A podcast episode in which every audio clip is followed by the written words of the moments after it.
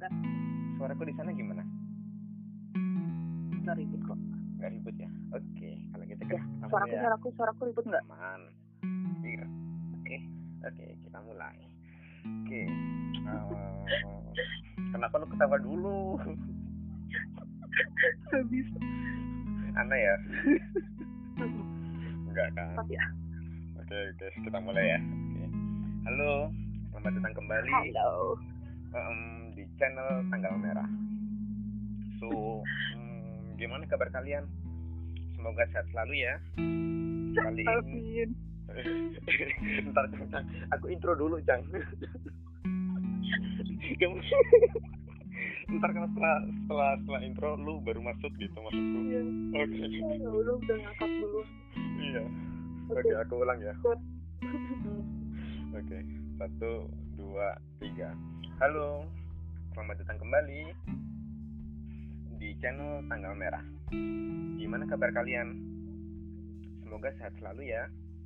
Kali ini aku nggak akan sendiri, karena aku akan ditemani eh, salah satu teman terbaikku. Dia sangat kocak dan asik banget.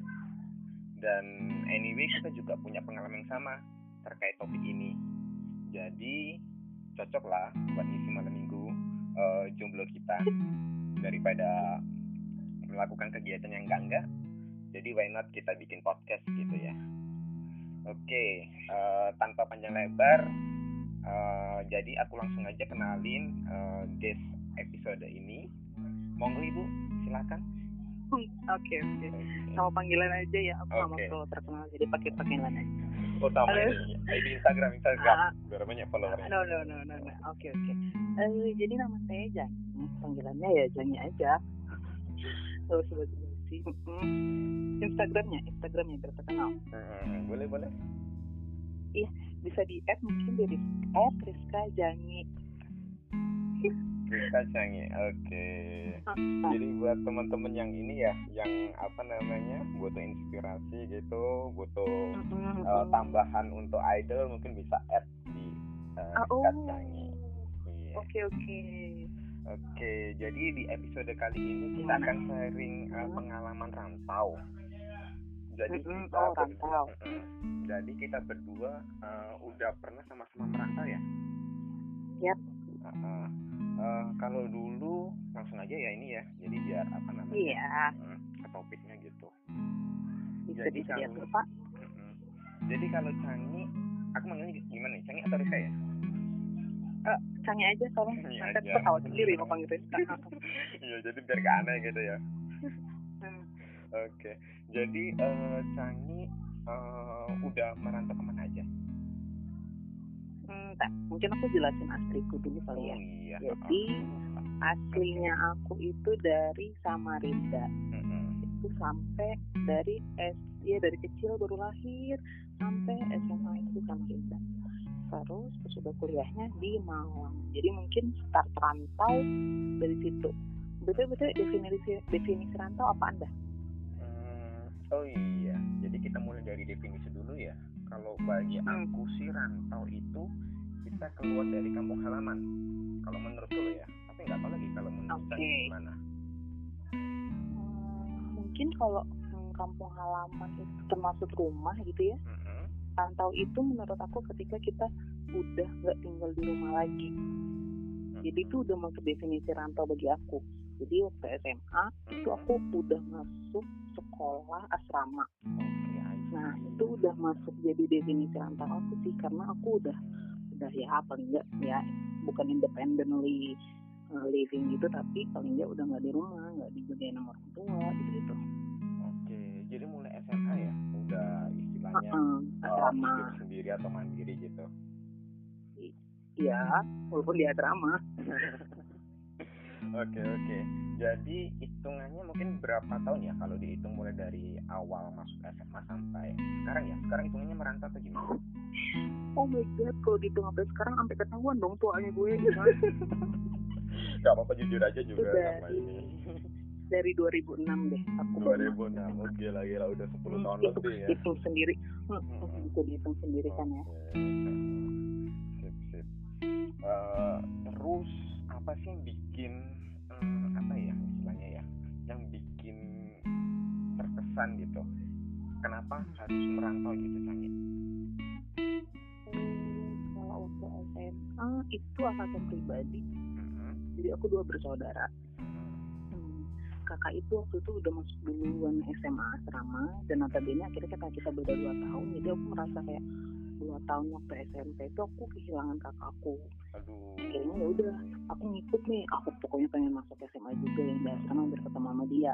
Nah itu alasannya untuk yang di SMA yang di kuliah karena waktu di Samarinda itu bukan gak ada universitas tapi mungkin lebih bagusan universitas Jawa kali ya yang beberapa perguruan tinggi negerinya Mm-mm. ya udah akhirnya didaftarkan lah mendaftar di perguruan tinggi negeri yang ada di Jawa see. jadi tujuannya demi pendidikan kalau lo sendiri kalau kamu gimana Kalau aku, aku sebetulnya kalau dibandingkan sama kamu mungkin aku masih tergolong baru gitu ya. Jadi, ah, benar. Jadi mulai SD, SMP, SMA sampai kuliah itu aku masih hidup di kampung halaman di Kota Batu di Malang. Iya. Jadi masih masih eh, belum inilah belum bisa sama orang tua. Jadi masih belum mandiri jadi masih independen banget. Eh independen banget. Terus setelah itu aku eh, satu setengah tahun ke Filipina di sana belajar lagi. Oh iya. Hmm. jadi eh, di sana satu setengah tahun menurutku pengalaman yang amazing sih selama di Filipina Amazing. kayak gitu. Ha-ha. betul. Jadi pengalaman pertama yang bener-bener anak ini ya anak mami mungkin ya gitu ya. Belum pernah dilepas ke mana-mana tiba-tiba langsung ditendang gitu. Keluar gitu. Jadi emang emang sempat shock terapi sih. Jadi awal-awal dulu sempat ngerasa hmm, kayak homesick ya istilahnya ya. Jadi sempat itu. Sih eh, mm, mm, homesick. Jadi waktu di Filipina? Iya jadi sempet nangis sendiri gitu kan nggak tahu kenapa gitu oh tiba-tiba my god. Iya bener. Jadi ya gimana ya emang bener sih apa yang eh, sering aku baca di web atau pengalaman eh, seseorang itu di blog itu emang bener-bener aku rasain sih kemarin kayak gitu. Dan setelah di Filipina kemarin sekarang mungkin kurang lebih berapa tahun dua tahun lebih ya aku tinggal di Jakarta masih homesick nggak nih kenapa masih homesick nggak nih Eh, kalau sekarang sih udah mulai ini ya, udah mulai kebal gitu ya. Udah kayak Samson, udah gak mempan itu semua. Iya, malah kayaknya udah lupa ini kampung halaman di mana. Parah kan? udah merasa makin bebas ya udah Iya, benar-benar. gitu. Oh iya, terkait bebas. Mm-mm. Itu jadi salah satu faktor yang eh, apa ya, kayak dua sisi mata uang ya. Kalau menurut sebagai Mhm. anak rantau. Kalau pengalaman Mhm. sendiri dulu gimana terkait faktor bebas ini? mungkin karena aku emang anaknya hmm, sukanya bebas ya nggak suka dikekang jadi Iya. semakin semakin keluar dari rumah tuh ya senang-senang aja bisa keluar malam bisa main bisa ngobrol sama temen nginep di tempat temen gitu yang masa ini kalau misalnya kita di rumah kan bisa kayak gitu ya.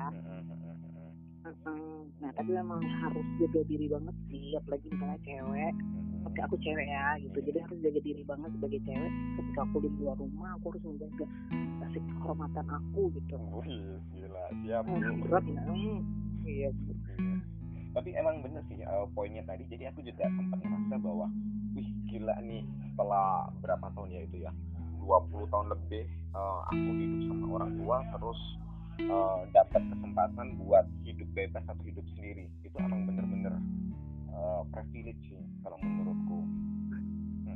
Ah, Tapi- apa nih? Apa apa rasanya gimana? Ya itu tadi. Jadi aku bisa ngelakuin apa yang aku mau kayak gitu kan. Aku mencoba uh, beberapa beberapa hal yang uh, istilahnya nggak pernah aku coba sebelumnya kayak gitu. Jadi emang bener-bener uh, ya nice experience sih kalau menurutku gitu. Hmm. lebih suka merantau dari rumahnya sekarang jadinya. Kalau sekarang sih uh, honestly yes. Lebih suka merantau. Cuma uh, cuma cuma cuma gini gini. Cuma uh, ada suatu waktu uh, kangen kan. Gitu sama orang-orang yang ada di rumah kayak gitu. Kayak orang Iya. tua saudara. Dan sekarang kan aku udah punya ponakan nih. Jadi yang lucu-lucu Mhm. itu Heeh. Dan pasti kangen sama mereka ya? Mm-mm, gitu. Jadi kangen banget sih suatu waktu gitu kan. Jadi itu jadi momen yang gimana ya?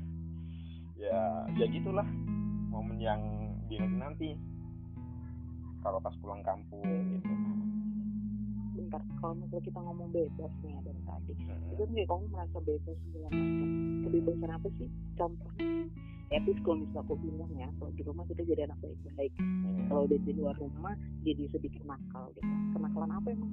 Yang pernah dicobain bukan bukan pertanyaannya oh, eh, bilang langsung ya gitu langsung mengkorek gitu kan sampai ke eh, kulit terdalam gitu. Nggak level lah Nanti terus kan. parah parah parah. Jadi nah kalau menurutku bukan nakal sih ya tapi mencoba sesuatu yang baru. Mm-mm. oh iya bisa bisa bisa. dan ini lucu banget sih Kang. Jadi eh, ini jadi salah satu momen yang memorable banget buat aku gitu kan jadi selama di. Filipina kemarin itu ada salah satu momen eh, aku eh, pergi ke warung makan lah istilahnya gitu. Ke warung makan. Hmm? apa itu? Oh, i- jadi ke warung makan ya. Jadi ya seperti biasa. lah. makan sorry sorry. Ke warung makan. Jadi seperti biasa lah. eh, pesan makanan kayak gitu kan. eh, sesuai dengan eh, seleraku pada waktu itu. Jadi eh, pada waktu itu aku pesan eh, omelet. Ya. Mhm. Jadi kamu tahu kan kalau omelet itu kalau di kita kan bikinnya kan kalau di tempat sushi aku bikinnya sih biasanya dari eh, Indomie ya ditambah telur oh iya iya Ah, itu kan iya. menjadi omelet tuh. Jadi aku pikir tuh Iya. omelet tuh seperti itu gitu kan. Ya udah aku pesan aja. Eh, dulu itu eh, satu porsi omelet gitu kan ya sama eh, lauk pauk yang lainnya kayak gitu. Jadi eh, setelah itu eh, aku selesai menyantap makanannya dan enak banget sih rasanya emang bener-bener enak banget dan aku nggak pernah ngerasain seperti itu. Terus oke Hmm, benar enak banget.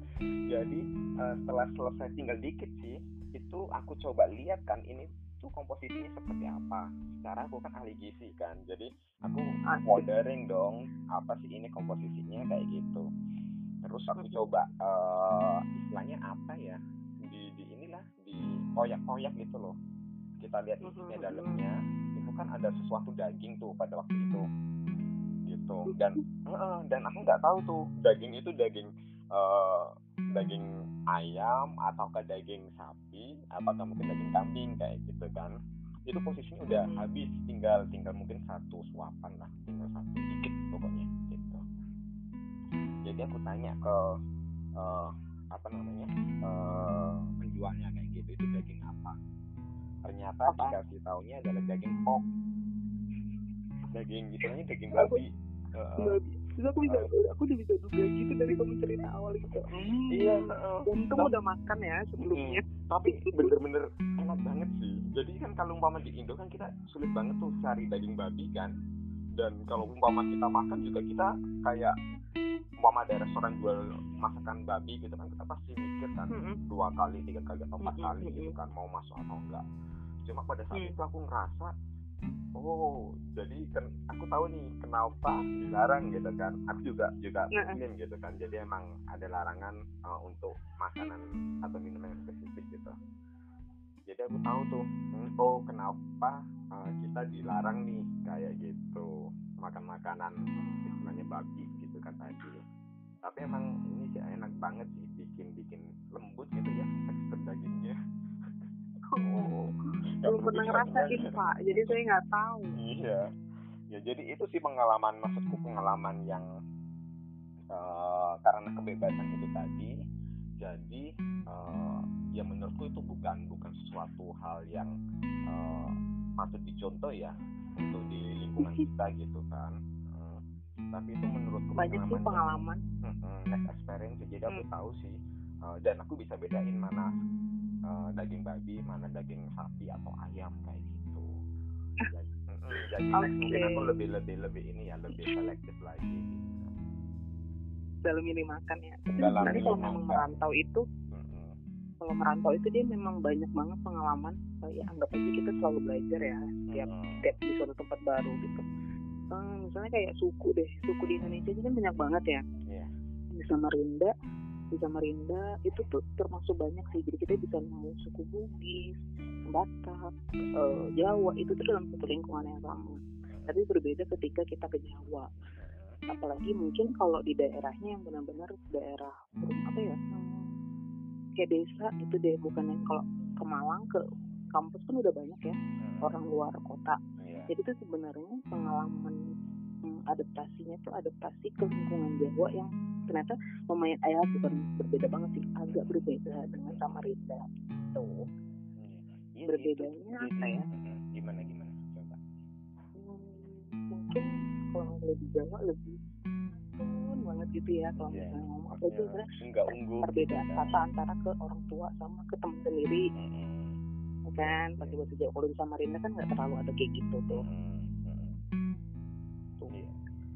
Jadi emang ya sih bener sih apa yang eh, tadi kamu sampaikan kayak gitu. Jadi salah satu faktor yang jadi menarik di tanah rantau itu adalah proses adaptasi kayak gitu. Apalagi kita yang notabene mempunyai budaya dan nilai-nilai yang berbeda. Jadi itu ya bisa dibilang eh, gampang-gampang susah gitu kan. Terus kalau pengalaman menyenangkan menyenangkan kan? Jadi jadi jadi ini kan pengalaman yang sangat ya maksudnya bisa diceritain gitu kan ke orang lain Iya. atau mungkin ke sanak keluarga. Apa lagi? Hmm, apa lagi ya? Hmm, terus apa lagi ya? Hmm, kamu tadi belum cerita sih eh, pengalamanmu Apa? lagi eh, yang memorable gitu selama di tanah rantau selain dari proses adaptasi oh karena aku anak kos kali ya dulu. Itu, itu perjuangannya berat banget kalau udah ketika akhir bulan. Tapi untungnya itu aku ngekos. Kalau waktu aku ngekos itu kita benar-benar kebetulan ada anak kos aku yang sama juga dari Kalimantan Timur juga tapi dia dari Tarakan. Jadi awal bulan tuh biasa biasa kan nah kalau cewek-cewek pengennya jajan terus nge-mall gitu. Nanti terus ngeliat barang-barang lucu beli. Eh pas akhir bulan udah waduh duitnya udah mau habis tapi nggak enak mau bilang ke orang tua. Tapi misalnya ya untungnya kita cewek ya bisa Iya. masak ya udah akhirnya kita kayak ada uang berapa gitu? Kamu ada berapa? Aku ada berapa? Kita gabung.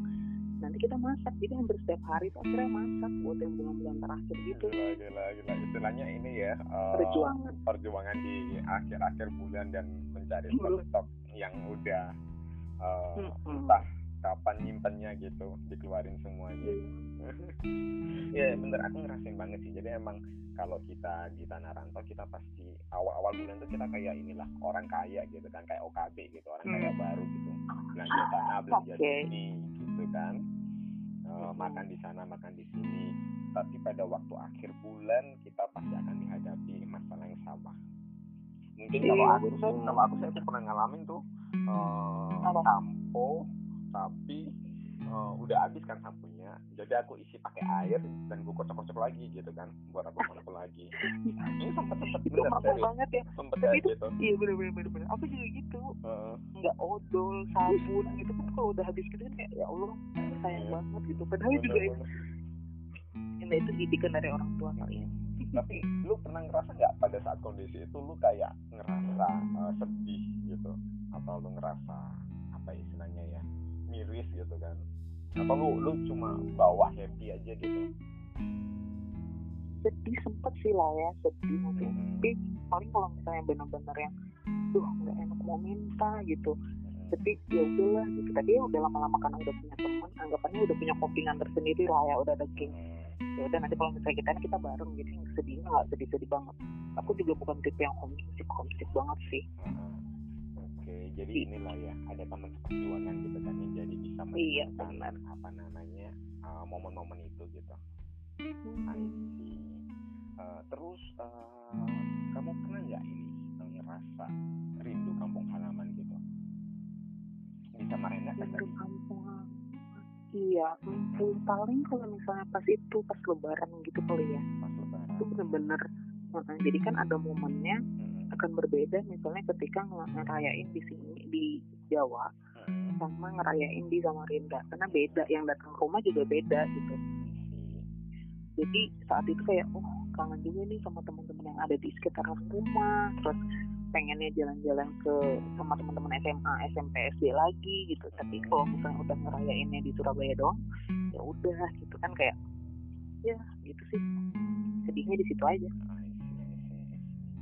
Iya sih, jadi emang kalau sebagai kayak kita gitu anak-anak eh, banyak momen-momen yang kita rindukan sih pada saat eh, momen pulang kampung, apalagi pada saat lebaran gitu kan.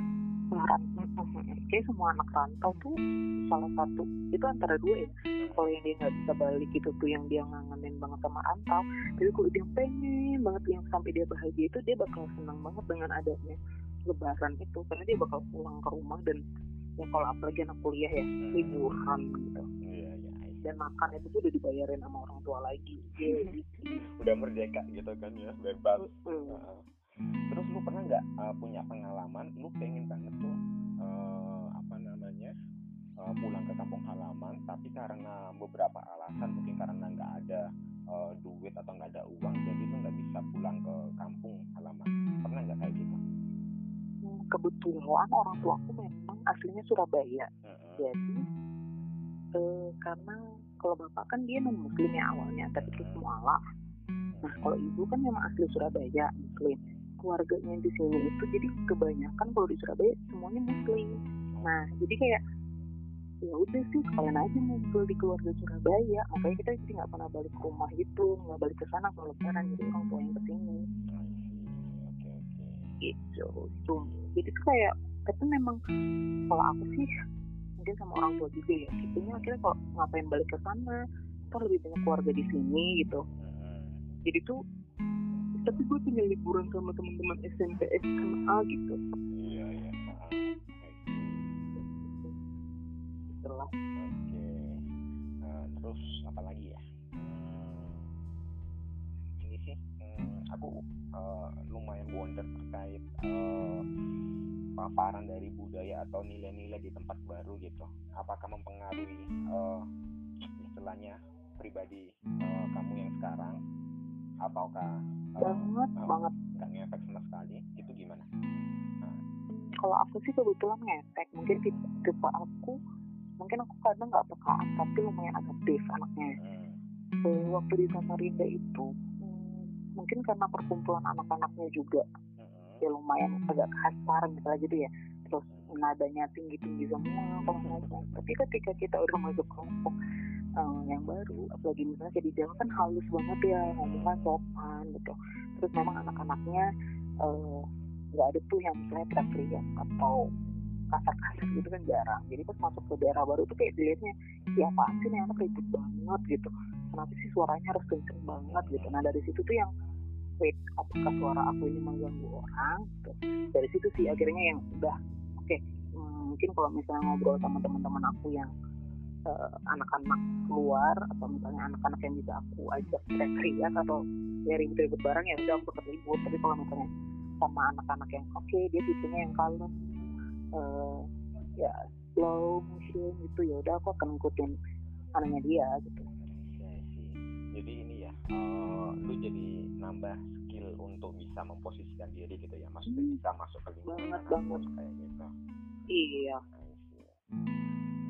See. eh, bentar. Misalnya kan kamu anak Malang ya gitu kan? Terus kan kita kuliah bareng. Itu kamu kalau ngeliat anak luar kota gimana deh? Kalau anak luar kota, kalau dulu nih ya, dulu sebelum uh, Hmm. ada paparan uh, dari, uh, maksudnya dari uh, kota-kota lain, aku tuh ngerasanya anak uh, kota lain masuk ke kota itu kayak uh, amazing gitu loh, maksudnya dia tuh punya value yang lebih daripada aku gitu. Jadi aku ngerasa kayak kiper gitu, kayak kayak kiper gitu lah, kayak kayak minder gitu kalau ketemu kayak mungkin kamu dari Samarinda gitu kan. Jadi karena karena apa Mm-mm. contoh mungkin eh, kalau awal-awal dulu kamu itu eh, suaranya kan lantang tuh. Maksudnya orangnya juga to the point. Mm-mm. Jadi kalau kita yang istilahnya hujan nih di sini sorry ya suaranya. Sama di sini juga ini sih lagi seperti sama hujan deras juga. Semoga nggak mempengaruhi ini sih uh, rekaman kita. Iya. Oke lanjut. Oke aku lanjutin ya. Dari mana tadi ya? Lupa aku. Nah, atau anak sama mereka saya lantas aku datang ke kampus terus kamu lihat aku orangnya lantang ternyata oh iya dari situ jadi ya itu tadi. Jadi aku ngerasanya orang-orang yang dari luar kota itu mempunyai value yang lebih daripada aku gitu. Apaan sih value-nya? Yang kamu bilang lebih ya value-nya uh, ini sih. Kayak dari segi kepribadian terus habis itu mereka lebih open minded jadi aku ngerasanya gitu. Jadi bikin aku jiper gitu loh. Kalau pas waktu uh, ngobrol berdua atau mungkin uh, sharing sama mereka pada waktu dulu sih oh. itu tapi kalau sekarang sih aku hmm. mungkin karena udah terpapar sama banyak orang jadi mungkin uh, ya mungkin ya inilah maksudnya apa sama aja gitu kan ya oh iya tapi aku juga pernah punya kepelangan kayak gitu tuh jadi uh, kebetulan kan yang satu game waktu kuliah tuh anak Jakartaan gitu ya hmm. sama anak Bali okay. uh, salah satu ya lah teman kita juga yeah. Iya. uh, jadi itu dalam satu anggap aja dalam hal berpakaian. Uh, akan berbeda uh, pola pemikiran itu akan berbeda ketika anak Jakarta sama anak Bali pakai baju yang menurut mereka ya udah biasa aja. Tapi tapi kalau misalnya udah kita ke daerah yang lebih santun seperti Jawa menurut mereka apaan sih kok rasanya terbuka? Misalnya dia lebih terbuka iya, atau misalnya pakai kemeja lebih warnanya hmm, lebih ngejreng atau agak tembus pandang gitu. Itu sih. Iya. jadi memang benar, jujur nggak jujur lebih open minded sekarang lebih open minded kan ya lebih mau ibu kota gitu lah. Iya benar-benar iya ya, uh, itu putus sih tadi dulu sih emang kayak gitu. Sorry ya uh, pengalaman. masalah teknis sih tadi uh. gimana di sana masih hujan deras nggak? Masih banget banget malamnya di Surabaya. Hmm, batu hujannya rata nih. Di sini juga hujan deras banget sama petirnya uh, ini mengkilat-kilat gitu nggak apa-apa lah sampai malam. Jadi biar orang yang pacaran nggak jadi keluar. Doa lu sumpah orang iri. Nggak boleh gitu cang. Saya jomblo sensitif uh, uh. Terus, tapi aku juga mengamini oke. Okay, kalau gitu kita lanjut. Tadi uh, dari itu ya sharing tentang uh, kalau lihat orang apa namanya uh, dari ibu kota atau mungkin dari daerah lain uh, masuk ke lingkungan kita atau ke orang-orang lokal kita memandangnya seperti apa gitu kan iya benar oke okay. jadi ya seperti itulah tadi uh, kalau menurut kita berdua jadi sebetulnya ya kalau sekarang sih nggak ada beda ya antara mungkin orang-orang dari daerah-daerah lain sama orang-orang asli atau orang-orang lokal. Oke. Okay. Sebenarnya sama aja sih. Sama aja kan. Sebenarnya sama aja karena tiap orang juga di suatu daerah eh, berbeda-beda. Cuman memang kecenderungannya mm-hmm. eh, akan berbeda kecenderungannya. Cuman ya tiap orang berbeda. Yeah. betul sepakat. Oke okay. uh, eh, ini udah uh, kurang lebih uh, 20 menit sih kita. Kira-kira ada yang mau di-share lagi nggak terkait pengalaman menjadi anak rantau apa ya kayaknya udah itu aja lebih ada pasti sih hmm. mungkin ini ada pesan-pesan buat uh, teman-teman uh, yang sedang atau yang merencanakan untuk merantau gitu hmm. mungkin yang pertama dari buat yang uh, masalah keuangan ya. Yeah. Kalau jadi anak rantau, apalagi misalnya masih independen ke orang tua, ya dihemat-hemat. Kalau nggak tuh biasanya masukin deh misalnya sehari berapa puluh ribu atau berapa ribu gitu ke celengan jadi kalau misalnya lagi bokeh bisa buka nanti pas akhir bulan gitu. Okay. terus hmm? lagi ya kalau untuk masalah adaptasi sebenarnya ya pikir aja kalau semua orang tuh berbeda. Nggak ada yang sama. Jadi setiap individu berbeda. Uh, dan kenapa misalnya ada tadi misalnya kita bilang sampai yang ada orang Jawa, orang Samarinda atau orang Jakarta itu karena memang lingkungannya seperti itu. Jadi gimana caranya kita kita kan sama-sama Indonesia nih. Halo. Halo. Anjir, jadi aku tahu nih kenapa kenapa dari tadi kita putus mulu. Kenapa? Ternyata pulsaku habis. lemah lemah sekali anak muda Iya, sumpah sumpah. Gila gila. Berapa kali cek kita tadi? Tiga ya. Iya. Oke deh, kalau gitu kita ini kita kita ulang lagi yang untuk outro ya. Ya. Apa tadi? dari pesan aja ya Iya, dari aku ya iya. Ya. kalau pesan dari aku yang pertama tadi misalnya masalah keuangan Hmm. yang pertama paling enggak eh, setiap setiap hari atau setiap minggunya itu nabung deh eh, beberapa puluh ribu atau ya ribuan gitu jadi buat nyiapin di akhir bulan jadi kalian tuh nggak akan kekurangan atau bokeh sama cari tim kalian Nah, kalau aku misalnya kayak aku tadi cerita, waktu aku punya temen deket sahabat aku di kosan yang ya udah nanti kalau misalnya aku kurang uang atau dia kekurangan uang, kita berdua nggak akan masalah karena kita akan jadi tim bareng. gitu. Terus kalau misalnya masalah adaptasi yang kedua, anggap aja semua orang itu sama. Jadi di eh, yang bikin beda walaupun banyak suku itu karena lingkungannya yang berbeda. Eh, bagaimana caranya kita bisa menerima setiap orang itu atau mengatasi bukan menerima juga sih mengatasi tiap orang itu bagaimana cara ngobrol yang baik bagaimana cara beradaptasi yang baik gitu terus apa lagi tadi Hmm, oh ya tentang jangan mentang-mentang ketika kita udah di luar rumah nih ya yang ada orang tua terus nanti kita akhirnya jadi kenakalan remaja tapi yang udah berlebihan banget itu harus Oke. dijaga Oke. Nah, mau sepakat, cewek mau cowok ya kan Hmm. mau cewek mau cowok kita di luar tapi kita harus bisa jaga diri kita walaupun misalnya kita penasaran sesuatu atau nggak misalnya eh, oke yang A ini terlihat gaul banget terlihat terkenal banget gitu ya jangan diikutin jangan diikutin juga. Pilih aja yang terbaik buat kamu gitu. Jadi masih bisa menjaga eh, harga diri lah bukan apa apa ya. Mm-mm. kehumasan gitulah Ya, jadi lebih ini ya, eh, lebih ke arah eh, punya rasa tanggung jawab gitu ya kepada diri iya sendiri. benar. Mm, diri sendiri heeh. bukan Jadi- karena misalnya bukan karena takut orang tua marah gitu ya mm, tapi lebih ke alasan itu lebih ke ke kita aja. Oke kita harus jaga diri sendiri karena A B C gitu kan mm. Jadi emang eh, mau nggak mau suka nggak suka, emang anak rantau emang harus dituntut untuk eh, bisa lebih dewasa dan mandiri Hmm, gitu ya. benar benar benar Oke. kalau dari kamu kalau dari kamu Kalau dari aku mungkin secara overall sih mungkin sama kan kayak gitu. Emang yang ditekankan Hmm. emang kalau kita sebagai anak rantau eh, ya itu tadi. Jadi emang kita harus sadar terhadap konsekuensi-konsekuensi pilihan kita gitu. Mau itu Benar, benar, pilihan benar. baik atau mau itu pilihan buruk, eh, Hmm. itu sama aja. Yang jadi beda adalah nanti konsekuensi ke depannya kayak gitu. Mm-mm. apalagi kalau udah punya KTP ya Nah, benar. Jadi apa pun pilihan, bener bener. Gimana?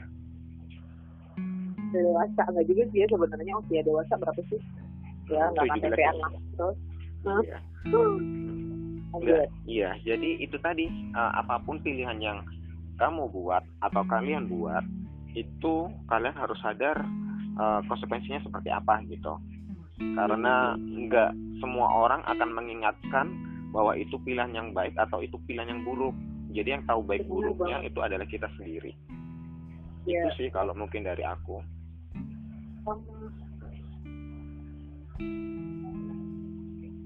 Halo? Om Iya. iya Iya, itu. eh ada lagi? Kira-kira?